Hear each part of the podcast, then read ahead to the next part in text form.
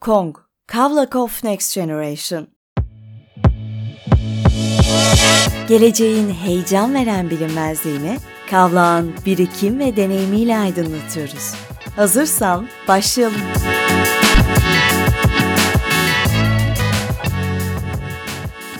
Kong Talks'un yeni bölümüne hoş geldiniz. Bugün konuğumuz Efilli kurucu ortağı ve CEO'su girişimci Şefik Yunus Özcan. Şefik merhaba. Merhaba Öykü, nasılsın? İyi, sen nasılsın? Ben de gayet iyiyim. Teşekkür ederim. Şimdi biraz böyle senin kariyerin üzerine konuşarak başlayalım istiyorum.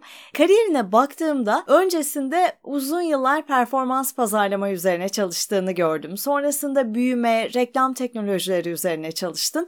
2019 yılında da girişiminiz Efilli doğdu. Bir web sitesi Cookie yani çerez yönetim platformu Efilli. Şimdi bugün onun hakkında epeyce konuşacağız ama öncesinde seni daha yakından tanıyalım istiyorum. Sen kendi kendini nasıl tanıtıyorsun onu sorayım. Tabii aslında ben çok yönlü olmayı seven bir insan olduğumu söyleyebilirim. Yazılım mühendisliği okudum. Sonra üzerine biraz pazarlamaya merak saldığım için performans pazarlama yaptım. Sonrasında performans pazarlamanın içindeki aslında alanlardan ya da dijital pazarlamanın alanlarından bir tanesi olan reklam teknolojileri çalıştım. Sonra da buradan sonra KVKK diye bir şey varmış. Buradan işte bir gizlilik mahremiyet önceliği varmış. Bu nedir diye e, farklı bir alana sıçradım. Aslında üç farklı alanda çalışmış, burada bir uzmanlık geliştirmiş bir insan olarak biraz böyle çok yönlülük odağında sürekli büyümeye, yeni şeyler öğrenmeye aç bir insan olarak kendimi tanımlıyorum diyebilirim. Ya bütün girişimcilerin zaten ortak özellikleri aşağı yukarı bunlar oluyor ama orada o girişim yolculuğunda ne ile ilgili girişim yapacağını seçmek çok önemli tabii ki. Senin önceden var mıydı böyle tutan tutmayan girişimlerin? Tabii ki tabii ki. Üniversite döneminde özellikle ben bayağı ekstra girişimciliğe kafa yoruyordum. Bir de şanslı olduğum bir nokta vardı. Üniversitedeki hocalarımızdan bir tanesi Amerika'da yıllarca çalışmış, akademisyenlik yapmış. Bizlere yazılım girişimciliği dersi vermişti. E, bu benim için bayağı kafa açıcı bir şey olmuştu. Çünkü sektöre girdiğimde kimse iş planı nedir bilmezken, işte bunun go to market stratejisi nedir bilmezken ben en azından pratikte olmasa da teorikte bunu biliyordum. Üniversitenin son senesinde yaptığım projede aslında bir startup'a dönüştü bir nevi. O da IoT dediğimiz nesnelerin interneti üzerine bir işti. Hatta büyüme potansiyelinin çok fazla olduğunu gördüğüm bir konuydu ama yalnız ve tek başıma yani ekibi olmayan bir girişimci olmanın dezavantajlarını yaşadım ve hızlı bir şekilde parlayıp söndü diyebilirim. Sonrasında profesyonel iş hayatımda side business olarak her zaman böyle bir startup oldu kenarda. Hatta şimdiki ortamda da öyle bir işte tanışmış oldum. O onların birçoğu hayatta kalmadı. Hani çok ufak bir exitim var diyebilirim ama e, ağırlıklı olarak ilerlemeyen işlerdi. Efil'le biraz daha hem benim olgunluk hem de bilgi seviyemin arttığı bir döneme geldiği için bir tık daha gerçek bir e, iş ve startup diyebilirim yani çoğu girişimciyle konuştuğumuzda da zaten zaman zaman işte iyi giden, zaman zaman yolunda gitmeyen girişimlerden bahsediyor. Bunlar insanı girişimcilik yolculuğunda büyütüyor. Sen mentorluk da yapıyorsun. Oraya da geleceğim ama son olarak senin son girişimin Efilli ve burada çerez yönetimiyle ilgili bir girişim yapmaya nasıl karar verdiğini, nasıl bir eksiklik gördüğünü merak ediyorum. Tabii e, aslında kulağımızın arkasında 2016 yılından sonra hep bir KVKK vardı. Yani Türkiye'de kan hayatı geçtikten sonra parça parça hayatımıza sirayet etmeye başlamıştı ama bunun teknolojik altyapısına ülke henüz hazır değildi. Hem bilgi seviyesi, bilinç seviyesi olarak bu noktada değildik. Teknolojik olarak hazır değildik. 2019 yılında benim danışmanlık verdiğim bir banka müşterim, özel bir banka. Onların BDK'dan gelen bir ihtiyacı oldu. Bankacılık Denetleme Kurulu başka bir regülasyon. Dedi ki e, web sitenizde çerezlerle kişisel veri topluyor musunuz? Bunların rızasını alıyor musunuz? Kimse tabii ki olayı anlamadı ve teknik kişi ben olduğum için bana geldiler. Böyle böyle bir çerez yönetimi yapıyor muyuz ya da nasıl yapabiliriz gibi. E, tabii bankacılık olduğu için verinin Türkiye'de tutulması lazım. Bunu nasıl yaparız, nasıl ederiz gibi bir konu ortaya çıktı. Ben de baktım Türkiye'de böyle bir iş yok. Globalde var. Globalde de daha bebek adımları var. Yani hani böyle çok çok daha yeni başlayan bir süreç. Benim kafamda bir ışık yandı. Bunu yapabilir miyiz gibi. Ama tabii hemen hayata geçmedi. Çünkü o anda Efili vardı ve başka bir işti aslında. Efili orada bir pilot hikayesi yarattı diyebiliriz. Ama fikrin çıkış noktası tamamen benim e, sektör içinde görmüş olduğum bir ihtiyaçtan kaynaklı olarak gerçekleşti diyebilirim. Efili adı altında başka bir iş mi yapıyordunuz? Evet evet Efili aslında bir marketing otomasyonuydu. Pazarlamayla alakalı top-up'lar çıkartıyorduk. Yani aslında onun rızasını soran değil de ona indirim veren tekliflerde bunlar. Mesela kullanıcı bir ürün gezdi ama siteden çıkma eğilimine gitti. Yani artık hani o ürünü almaktan vazgeçme aşamasında onu nasıl ikna ederiz mantığıyla çalışan bir otomasyonduk. Tabii onun ayrı zorlukları var. Pazar bir tık daha kırmızı pazar diyebileceğimiz çok büyük oyuncuların olduğu bir pazardı. orada çok büyük potansiyel görmemeye başlamıştık açıkçası. Ben o noktada da yine Efili'nin marketing tarafına destek veriyordum. Sonra bu öneriyle ortağa, ortağıma gittiğimiz zaman e, bunu deneyebilir miyiz noktasına geldi iş ve çok hızlı bir şekilde uygulamaya koyduk gibi bir pivot hikayesi var. O yüzden de hani benim böyle girişimciliğe bakış açım hep şey oluyor. Fırsat her zaman e, yaptığın işten daha büyük olabiliyor. Bazı girişimcilerde gördüğüm en büyük eksiklerden bir tanesi işini bebeği gibi sevmek. O böyle biraz engelleyebiliyor. Bizim böyle doğru zaman, doğru yer, doğru fikir, doğru ihtiyaç denk gelmesi gibi oluştu diyebilirim. Evet, o işe çok aşık olunca insan onun eksiklerini de göremez hale geliyor. Ee, onun gelişim alanlarını belki fark edemiyor veya bambaşka bir şeye dönüştürmek gerektiğinde de duygusal bağdan dolayı bunu yapmak zorlaşabiliyor. Tabii ki. Peki yani gelelim şu çerez mevzusuna. Bu çerezler nedir? Ben bir internet kullanıcısı olarak hep böyle bir siteye girdiğimde benim ilerlememe engel olan bir uyarıda tümünü kabul etti görüyorum ve ister istemez ona basıyorum. Yanlış bir şey mi yapıyorum? Hayır ama orada şöyle bir durum var. Yani bu tamamen bilinç seviyesiyle alakalı bir şey. Finansal okuryazarlık gibi veri okuryazarlığında Türkiye'de oluşmasını istiyoruz. Bunun üzerine çalışıyoruz diyebilirim. Çerezler dediğimiz yapılar aslında küçük veri parçacıkları, text metni HTML olarak bir web sitesinin tarayıcınıza bıraktığı bir ufak parçacık. Aslında Hansel ve Gretel masallarındaki cadının evinden kaçan çocukların yol bulmak için bıraktıkları cookie'lerle benzer mantık. Daha önce geçmiş olduğunuz bir yolu hatırlamanızı veya işte gelen web sitenin hatırlamasını sağlayan bir yapı. Aslında erken dönemde bunlar biraz daha Netscape dönemlerinde tamamen deneyimsel amaçlı kullanılan şeyler. Yani bir kullanıcı bir web sitesine girdiği zaman ona tekrar dil sormayayım ona tekrar işte login olmasını sormayayım amaçlı yapılmış yapılar. Sonrasında zamanla dijital büyüdü. 2000'li yıllarda tamamen işte .NET erası çok hızlı büyüyen bir internet penetrasyonu, her eve gelen bilgisayar, cep telefonu gibi şeylerle dijital pazarlama da büyüdü ve dijital pazarlamada çerezlerin etkisi keşfedildi. Bu etki neydi? Kullanıcının daha önce gördüğü bir ürünü onu tekrardan çıkartabilme ya da daha önce gördüğü bir ürünle alakalı reklamları ona gösterebilme üzerine bir fikir ortaya çıktı ve çerezlerin kullanım amacı bir anda deneyimden çok sert bir şekilde pazarlamaya geçti. Yani bugün bir web sitesinde gördüğünüz bir ayakkabıyı sonra başka haber sitesinde sağda, solda, yukarıda, aşağıda görüyorsanız bunun temel sebebi çerezler. Şimdi bunu görmek isteyebilirsiniz, görmek istemeyebilirsiniz. Yani şu da olabilir. Ben alakalı reklam görmek istiyorum. Daha önce gördüğüm ürünleri göreyim, e, ilgilendiğim şeyleri göreyim derseniz kabul et demekte fayda var. Ya da deneyimle alakalı işte araçların kullanılmasıyla alakalı olarak da bunu kabul edebilirsiniz. Ama ben mahremiyetime önem veriyorum. Bu web siteleri benim iznim olmadan beni takip etmesin derseniz de hayır seçeneğine basmak, reddet seçeneğine basmak e, bir opsiyon olarak olması gerekir. Zaten veri koruma yasasının temelde düzenlediği şeyler de bu. Yani buradaki bu çerezlerin kabul et, reddet de ayarlar şekilde kullanıcıya sunulmasının sebebi tamamen bireyin inisiyatifinde bu verinin işlenebilmesi.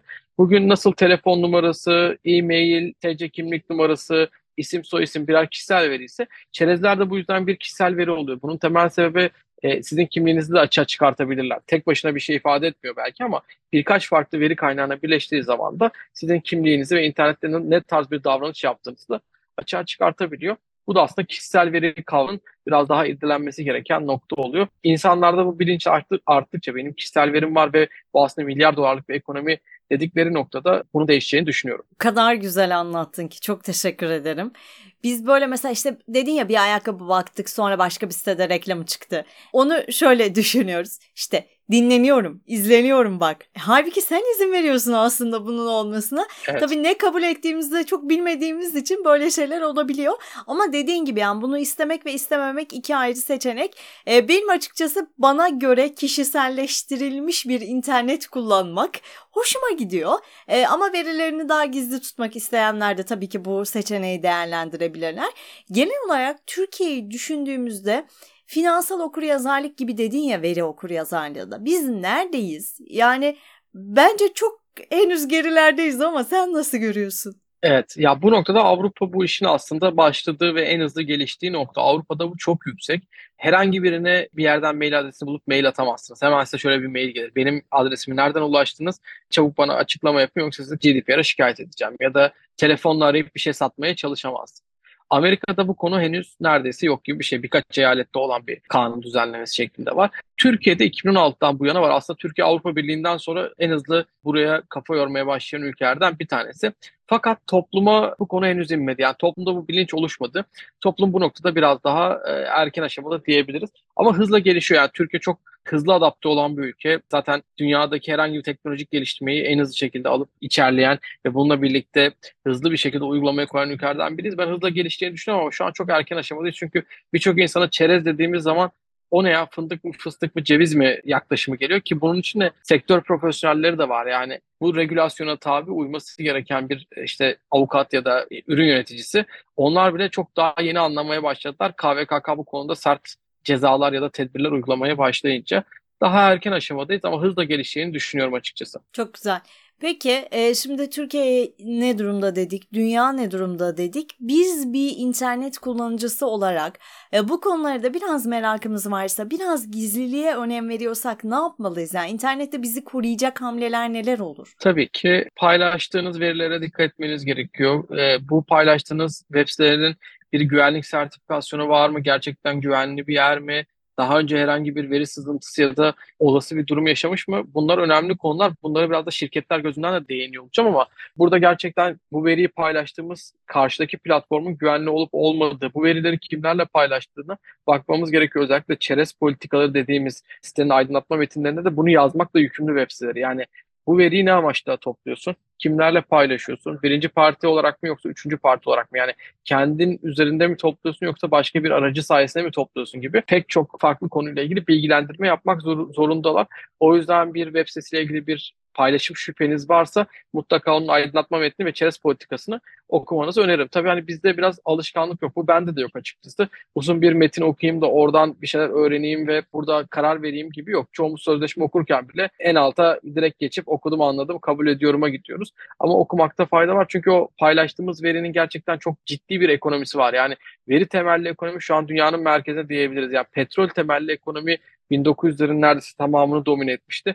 2000'li yıllar tamamen veri temelli ekonomideyiz. E, o yüzden bence çok kıymetli. İnsanlardan açıkçası yani bununla ilgili öğrenmek isteyen kişiler varsa naçizane tavsiyem bir veri koruma yasaları neyi istiyor onu takip etsinler. İki bu veriyi paylaştıkları platformlar bunu ne amaçla işliyor onlarla ilgili biraz araştırma yapsınlar. Zaten işin teknik kısmını biraz anladıktan sonra çok net bir şekilde anlaşılıyor. Yani o web sitesi ihlal yapıyor mu yapmıyor mu benim verim güvende mi değil mi bunlar net bir şekilde anlaşılıyor. Evet herhalde önce o yani bizim bir bir bir paylaştığımız verilerin toplandığında çok kıymetli bir şeye dönüştüğünü anlamak gerekiyor.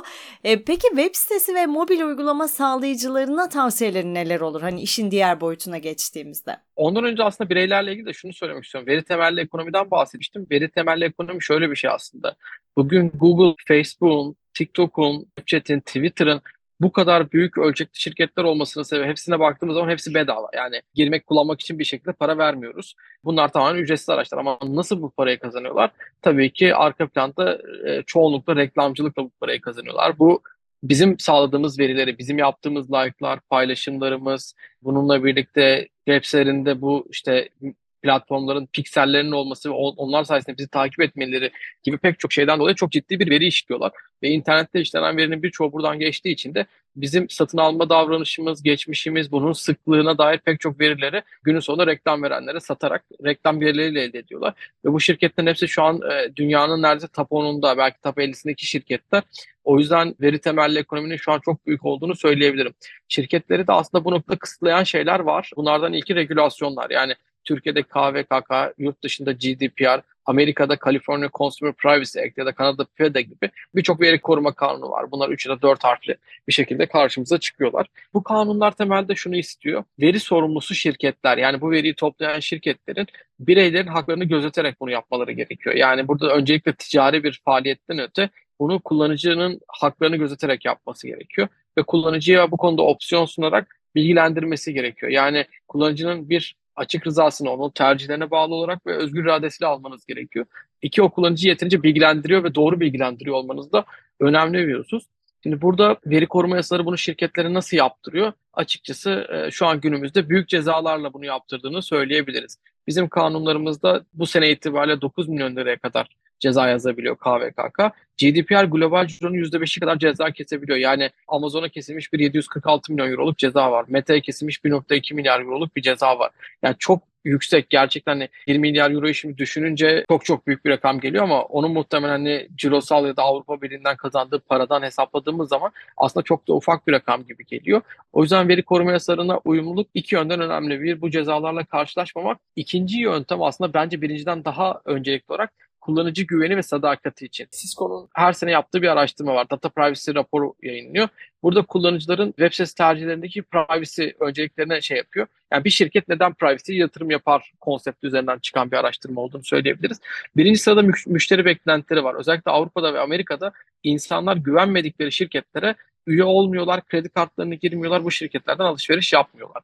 Bu ülkemizde de başladı. Birkaç tane özellikle e, yemek dağıtımı tarafında bir firmanın yaşadığı kredi kartı e, sıkıntısı onun çok ciddi bir müşteri kaybı yaşamasına sebep oldu ve rakibini hızlı bir şekilde büyüttü. Bu çok ciddi bir konu artık insanlar verim güvende mi, kredi kartı bilgi verim güvende mi, kişisel verilerim güvende mi sorularını sormaya başlıyorlar. E, o yüzden e, web sitesi sahipleri birinci öncelik olarak müşteri beklentilerini karşılamak adına bunu yapıyor. İkinci sırada cezalar var. Üçüncü sırada rekabet avantajı var. Rekabet avantajı da önemli çünkü ben privacy'yi önemseyen bir şirketin imajını çizdiğiniz noktada rakibinizin önüne geçiyorsunuz satış pazarlama anlamında. Bunun en büyük örneklerinden bir tanesi de Apple. Apple şu an herkesin gözünde e, bilgisayarına virüs girmez, işte hiçbir şekilde şifreniz çalınmaz, telefonunu kıramazsın, işte e, giremezsin, şifresi özeldir. Adli olaylarda bile görüyoruz. Apple bir telefon işte adli olaya karıştığı zaman TÜBİTAK'a şifresinin kırılması için gönderiliyor. Belki aylarca, yıllarca bu şifre kırılamıyor ya da hiçbir şekilde kırılamıyor gibi bir süreç ortaya çıkıyor. O yüzden böyle bu gizlilik, mahremiyet öncelikli marka olmak da çok kıymetli bir noktaya geldi diyebilirim insanlar için. Süper. Şimdi biz bir hukuk bürosunun podcastindeyiz ve senin de bahsettiğin çoğu şeyin sonu hukuka çıkıyor. Bu anlamda şunu biraz konuşalım isterim. Hukukçular için yeni bir alan oluştu değil mi? Teknoloji üzerine çalışabilecekleri. Yepyeni bir konu var karşımızda. Hukukla bağlantısı daha önceden kurulmamış, işte yeni yeni kurulmaya başlanan birçok noktası da olacaktır bu işin. E, bugünün hukukçularına neler önerirsin? O yeni alanlar neler olabilir? Hani sen bu konunun içindesin. E, neler söyleyeceksin merak ediyorum. Tabii ki aslında çok sevdiğim konulardan bir tanesi. Çünkü genç avukatlarla görüştüğüm zaman buraya çok yoğun bir ilgi olduğunu söyleyebilirim. Yani hepsi gerçekten dijital bir iş yapmak istiyorlar. E, bunun da en temel sebeplerinden bir tanesi şu. E, dünyada birçok sektör dijitalleşti. Yani dijital dönüşüm etkilemediği sektör yok. Bunlar içinde de tıp, telekom, farklı farklı birçok alan, sanayi, her yeri etkiledi. Özellikle bankacılık mesela burada çok önde koşuyor. Ama bir sektör var ki neredeyse buraya hiç adapte olamadı. Hızlı bir şekilde buraya adapte olup ürün geliştiremedi. Hukuk. E, hala çok eski yöntemlerle ya da ilkel yöntemlerle diyebileceğimiz şekilde e, süre gelen bir yaklaşıma devam ediyor. Ki belli noktalarda olması gerekiyor. Çünkü muhakeme yeteneğinin olduğu, muhakemenin olduğu bir alan diyebiliriz. Fakat e, birçok alanı optimize edilebilir, kolaylaştırılabilir bir alanda aynı zamanda. Çünkü e, birçok karmaşık süreci basitleştirirsek buraları hızlı bir şekilde ilerletebiliriz. Bu noktada da hukuk teknolojileri yani legal tech dediğimiz alan ortaya çıktı. Bunun dışında regülasyon teknolojileri aslında benim şirketimin biraz bulunduğu alan regülasyon teknolojileri diyebilirim e, gibi alanlar çıktı. Çünkü e, sadece hukuk olarak bakmak doğru değil. Burada regüle edilen farklı sektörlere özellik çözümler çıkarmak da çok kıymetli oluyor. E, gibi birkaç tane alan çıktığını söyleyebiliriz. Bu globalde de çok yeni başlayan ve gelişen bir nokta. O yüzden Türkiye bu noktada geriden gelip bir şey yakalıyor gibi değil. E, genç avukatlarda da özellikle burada şeyi tavsiye ederim. Bir bakış açısı olarak ürün mantığını anlamaları gerekiyor. Yani bir hizmet mantığından daha ziyade bir ürünü nasıl yapabilirim, nasıl geliştirebilirim bunu öğrenmeleri gerekiyor. E, bu tabii ki hani aldıkları üniversitedeki formal eğitimden çok farklı bir konu. O yüzden biraz dijitalle iç içe olabilecekleri ufak çalışmalar, e, proje grupları, hackathonlar, legal tech, startup challenge'lar gibi çeşitli yerlere girmeleri gerektiğini düşünüyorum. Bu biraz onlara şey bakış açısını kazandırır açıkçası. Teknolojik bir işi nasıl kurarım ve yönetirim bakış açısını kazandırır. Bunun dışında yeni bir takım avukatlarda ikinci bir dal olarak mühendisliğe eğittiklerini ve özellikle bilgisayar ya da yazılım mühendisliği tarafında biraz efor harcadıklarını görüyorum. Bu da onlara biraz privacy engineer dediğimiz yani işte burada bu gizlilik üzerine bir mühendislik mantığı geliştirme bakış açısını açıyor. Bu da önemli biliyorsunuz çünkü bu noktada yazılım ve hukuk bilen insan sayısı çok az. E, bunu gerçekten doğru değerlendirebilmenin önemli olduğunu düşünüyorum. Tabii bir diğer konu da avukat enflasyonu konusu. Yani ülkemizde çok fazla hukuk fakültesi var ve çok fazla avukat iş hayatına atılıyor ve beklediklerini birçoğu bulamıyorlar ve küsüp sektörden kopabiliyorlar. Bence burası şu an çok yeni ve bakir bir alan. Buraya biraz kafa yoran genç arkadaşların ben ilerleyeceğini düşünüyorum. Ki birçoğu artık dijitalin bilgisayarın içine doğmuş insanlar. Yani hayatlarının çoğunda bir şekilde bilgisayar var, internet var. Burayla ilgili ürünleri, araçları görmüş durumdalar. Eğitimini almasalar bile yatkınlıkları biraz geçmişten gelebiliyor. O yüzden ben genç arkadaşların buraya önem vermesi gerektiğini düşünüyorum. Özellikle ürün geliştirme anlamında, bunun pazarlamasının nasıl yapılacağı anlamında. Çünkü avukatlardaki bence bir numaradaki pazarlama. Yani çünkü reklam yapamadıkları için pazarlama kasları hiç yok. Onu da öğrenirlerse bence bu geliştirdikleri ürünü çok hızlı bir şekilde büyütüp satabilirler. Harika tavsiyeler. Çok teşekkür ediyorum. Şimdi neden mentorluk yaptığını anlayabiliyorum. Çünkü çok iyi bir mentorsun. Teşekkür Girişimcilere ederim. neler öneriyorsun? Onu da e, şu şekilde cevaplarsan sevinirim. Siz Efilli'de neyi doğru yaptınız? neyi bugün olsa daha farklı yapardın? Bunları topladığında, bu tecrübeleri birleştirdiğinde ne önerirsin girişimcilere? Güzel bir soru ama zor da bir soru benim açımdan. Neyi farklı yaparsa kısmında çok farklı bir şeye gidebileceğimi düşünmüyorum. Çünkü her şey böyle e, doğru zaman, doğru yer, doğru insanlar gibi oldu. Ben biraz işin sırrının bunda olduğunu inanıyorum. Yani doğru bir ekip kurmak çok önemli. Ee, özellikle avukat arkadaşlar için ya da hukuk eğitimi olan arkadaşlar için bunu söyleyebilirim. Ekip olarak toplandıkları zaman işlerine farklı insanlar almaları gerekiyor. Yani bir yazılımcı arkadaşları varsa ya da bir endüstri mühendisleri arkadaşları varsa mutlaka onu e, bu gruba dahil etmeleri gerekiyor. Çünkü üç tane yazılımcıdan bir tane yazılım şey üç tane e, hukukçudan bir tane yazılım çıkarmak çok zor. E, o, o yüzden doğru ekibin çok önemli olduğunu söyleyebilirim. Globaldeki gelişmeleri takip etsin. Özellikle Avrupa Birliği bölgesi GDPR tarafı çok kıymetli. Çünkü bizim kanunlarımız da GDPR'ı takip ediyor ağırlıklı olarak veri koruma yasası tarafında. E, GDPR'da olan gelişmelerin bize gelme ihtimali çok yüksek ya da bizden önce yapmış oluyorlar bir şekilde. E, o yüzden Avrupa'yı, dünyayı takip etmek bu noktada önemli. Bir diğer konu aslında staj konusu. Şimdi avukatlar e, bu konularda aslında staj, yani kendi branşlarında staj yapıyorlar ama e, bir reklam ajansında staj yapmak, bir yazılım geliştirme ajansında staj yapmak bence çok kıymetli olur onlar için. Bir yandan da şeyi her zaman tavsiye ediyorum genç girişimcilere. Üniversiteden çıkar çıkmaz girişim yapmayın. Önce bir kurumsal sektöre girin. girin. Orada ilişkileri görün, ihtiyaçları görün, eksikleri, hataları ve doğru yapılan şeyleri görün. Ondan sonra dışarı çıktığınız zaman çok daha net bir tabloyla karşılaşabiliyorsunuz. Çünkü üniversiteden çıkan bir insan genelde idealist bir şekilde çıkıyor. Yani daha böyle gerçeklere değil de ideallere yönelik düşüşleri ortaya koyuyor. O yüzden böyle biraz idealler ve gerçeklerin ayrıştığını idrak edebilirlerse çok daha gerçek bir startup çıkıyor ve ilk startuplarında batma ihtimallerini azaltıyorlar. Çünkü öbür türlü e, biraz daha gerçekten uzak işler yaptığınız zaman işin maddi boyutu o şekilde gerçekleşmiyor. Çok güzel. E, bu arada bizim Kong Talks podcast'inde sıkça dile getirdiğimiz konulardan bir tanesi de girişimlerin özellikle o ilk aşamadaki heyecandan, işi bir an önce gerçeğe dökme telaşından dolayı hukuki kısmı atladıkları oluyor. Tabii sonrasında bu akla dahi gelmeyecek sorunlar ortaya çıkarabiliyor. O anlamda neler önerirsin? Yani problem çözme aslında bu işin en büyük noktalarından bir tanesi. Çünkü yol üzerinde umulmadık, beklenmedik pek çok problem çıkacak, pek çok şey değişecek. E, o yüzden adaptif olmaları gerekiyor. Yani olası bir değişiklik, olası bir sıkıntı hızlı bir şekilde adapte olup e, sorun çözebilecek bir mindsette olmaları gerekiyor. Bunun altını özellikle çiziyorum çünkü girişimcilik işi sürekli bir problem çözme işi. Sürekli bir problemle karşılaşıyorsunuz, sürekli bir problem çözüyorsunuz. E, bu da aslında çok büyük bir e, mental stabilite gerekiyor. Yani kendinizi gerçekten hem fiziksel hem zihinsel olarak çok sağlam tutmanız gerekiyor. Ve mutlaka bir ortağınız olsun. Yani günün sonunda siz yanacaksınız. Bir noktada çok iş yükü, çok çalışma e, ya da çok fazla problemle yüzleşmeden kaynaklı yanacaksınız ve sizi yedekleyebilecek ve sizin o yanık anınızda devreye girip sizin üzerinden yük alabilecek bir insan lazım. Aynı şekilde o yandığı zaman sizin devreye giriyor olmanız lazım. Burada böyle çiftli çalışmanın ben yani minimum iki kurucu ortak olmanın çok önemli olduğunu düşünüyorum. Çünkü bu gerçeklikte bir şekilde işler yolunda gitmeyecek. Ama önemli olan şey buna karşı bağışıklık kazanma, adaptasyon kazanma ve sürekli bunun üzerinden gelme. Çünkü bir problemi ilk başta 10, 10 günde çözebilirsiniz. İkincide bir güne düşecek, üçüncüde 10, 10 dakikaya düşecek. Aynı problemi çözme hızınız değişecek. Bu sefer problemler değişmeye başlayacak. Sürekli bir challenge devreye girecek. Sabit ve stabil kalırsanız ben çok hızlı bir şekilde buradan iyi bir öğrenimde iyi bir startup'a yönetim yapabileceğinize inanıyorum açıkçası. Çok güzel. Çok teşekkür ediyorum bu bölüme konuk olduğun için. Açılışı çok yönlülük diyerek yapmıştık. Bütün bu söylediklerini düşündüğümde çok yönlü olmanın ne kadar değerli olduğunu tekrar görmüş olduk. Okulu okuyup bitirmek, işte bir uzmanlığa sahip olmak kesinlikle çok değerli. Ama bunu başka yönlere çekebilmek, yeniliklere adapte olabilmek, teknolojiyi takip edebilmek ve buna heyecan duyuyor olmak o farkı yaratan şey. Ee, yani girişimcilik bir kas ve gelişiyor yaptıkça. E, o yolculukta da işte karşımıza çıkan engelleri nasıl aşmamız gerektiğini öğreniyoruz. Bunların hepsi de günün sonunda tecrübe olarak geri dönüyor ve böyle podcastlerde paylaşılıyor. Sana çok teşekkür ediyorum. Bugün Kong Talks'a konuk olduğun için harika bir bölüm oldu. Benim için de aynı şekilde çok teşekkürler Öykü beni davet ettiğin için. Görüşmek üzere, hoşçakalın. Görüşürüz.